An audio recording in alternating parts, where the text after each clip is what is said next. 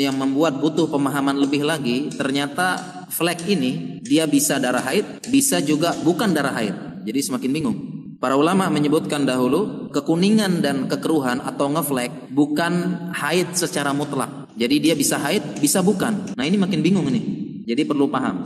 Dan secara kedokteran memang ngeflek kalau sekedar flek kita juga bingung. Ini darah haid atau darah lainnya, istihadoh atau memang luka-luka kecil. Karena darah haid kalau menetes ngeflek, darah normal juga netes ngeflek juga sama, tidak bisa dibedakan. Jadi secara kedokteran juga tidak bisa dibedakan. Nah ini muncul pertanyaan. Jadi setelah haid masih ngeflek, ini gimana? Haid apa tidak Ustaz? Nah ini butuh ilmu. Para akhwat wan ummahat ini perlu diperhatikan dan dicatat karena tentang flek ini ada rinciannya ada tiga rincian. Yang pertama, flek yang keluar sebelum haid. Kita ambil contoh, ada perempuan, dia biasa haid tanggal 5 selama 7 hari.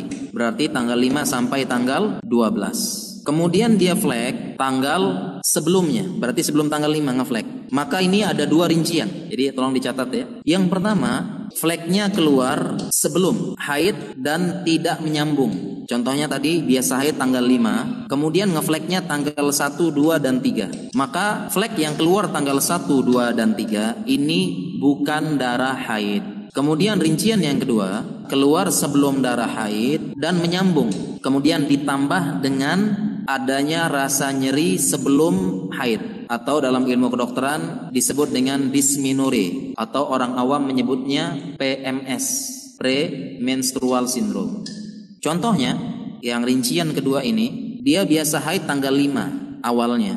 Kemudian tanggal 3, tanggal 4 mengeluarkan flek disertai dengan tanda-tanda nyeri, nyeri atau ada perasaan tanda-tanda PMS, maka tanggal 3, tanggal 4 flek tersebut dianggap darah haid. Ini poin yang pertama dengan dua rincian. Kemudian yang kedua, flek yang keluar setelah haid tetapi masih menyambung dengan darah haid. Contohnya tadi ada wanita haidnya tanggal 5 sampai tanggal 12. Kemudian tanggal 13, 14 bahkan 15 ngeflek. Jadi tanggal 12 itu sudah berhenti darahnya, tapi 13, 14, 15 itu masih ngeflek.